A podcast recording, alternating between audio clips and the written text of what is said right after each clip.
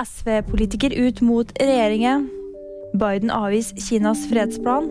Og kunstnere dømt for tyveri.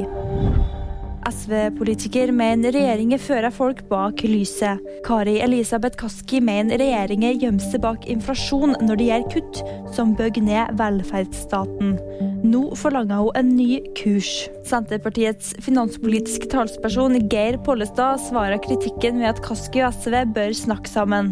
For de siste to budsjettene har vi blitt enige om sammen med SV, og de har stemt for hvert komma, sier Pollestad til VG.